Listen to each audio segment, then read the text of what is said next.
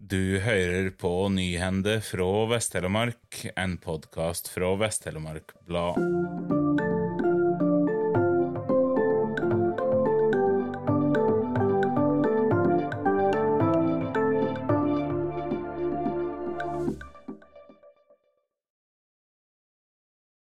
Seljordrådmann Rikke Syvertsen Raknes har takka ja til å bli ny kommunedirektør i Dyrøy i Troms og Finnmark. Det stadfesta Raknes sjøl til Vest-Telemark Blad mandag.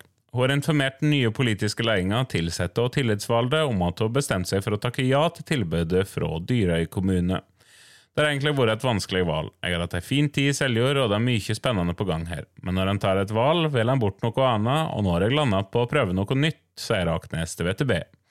Hun kom til Seljord fra Alta i Finnmark, og ser fram til å igjen komme seg nordover. Jeg var ikke helt ferdig med Nord-Norge. Jeg er veldig glad i naturen og folka, hav og fjell, forteller Aknes.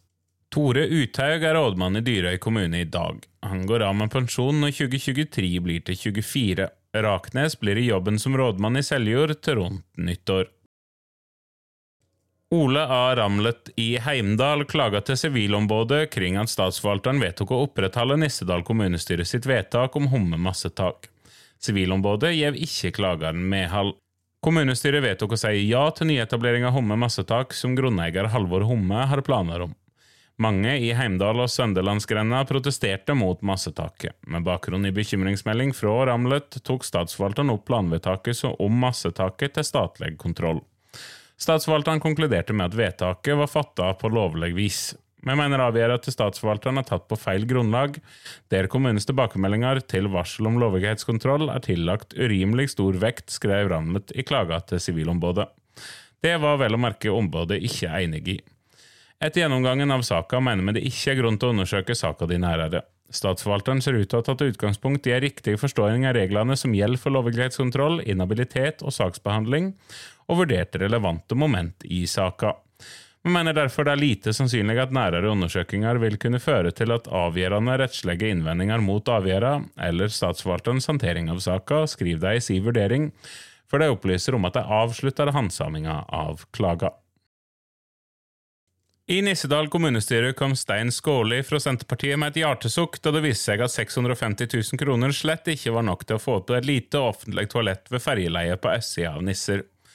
Bygge dass på tre kvadratmeter som koster nesten én million kroner, dette går ikke an, lød dommen fra Skåli.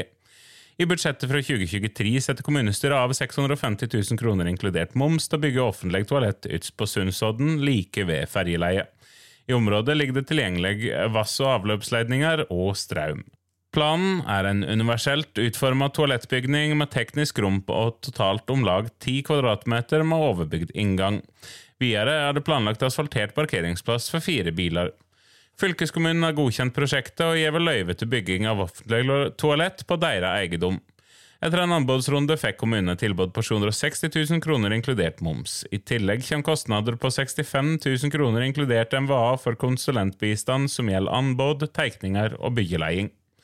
For å kunne gjennomføre prosjektet som planlagt, var det da behov for et tilleggsløyving på 175 000 kroner inkludert MVA. Før det ble samrøstes vedtek tilleggsløyvinga, minner ordføreren om at kommunen i alle fall får igjen momsen. Onsdag tar 39 år gamle Kari Omdal Tveito til i den nyoppretta stillinga som kommunikasjonsmedarbeider i Vinje kommune. Tveito er utdannet adjunkt med etterutdanning i organisasjon og leding, og kommer fra jobben som tilrettelegger på Kakeringen. Hun er også politisk aktiv i Vinje SV, og tar nå til på sin andre kommunestyreperiode, der hun etter planen skal leie oppvekst- og velferdsutvalget OVU. Kommunikasjonsjobben skal gå greit og skilje fra den politiske aktiviteten, mener Tveito. Jeg skal jobbe på tjenestetorget og ha ansvar for informasjons- og kommunikasjonsarbeid på ulike plattformer, til dømes heimesida og sosiale medium, forklarer hun til VTB. Det handler om å tenke nytt om kreativ kommunikasjon, både for å nå ut til innbyggerne og internt blant de ansatte i organisasjonen, holder Omdal Tveito fram.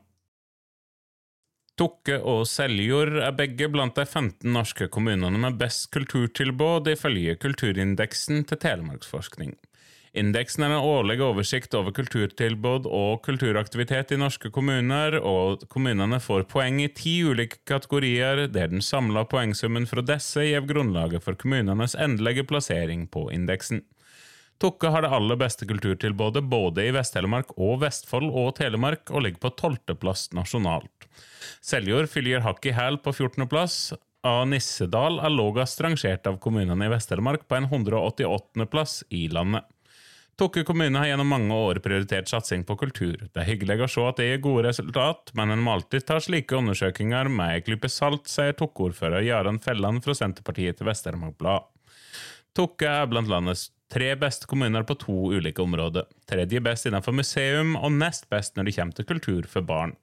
Kultur for barn er det kommunene i Vest-Telemark er aller best på, relativt sett. Vinje er lavest plassert på 54.-plass av landets 354 kommuner.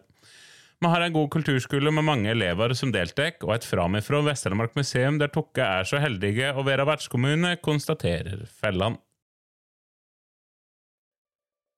Tusen takk for at du hørte på. Denne sendinga var produsert og presentert av Aslak Ringhus for Vest-Telemark Blad, og musikken er laga av Symre Taugbølbang.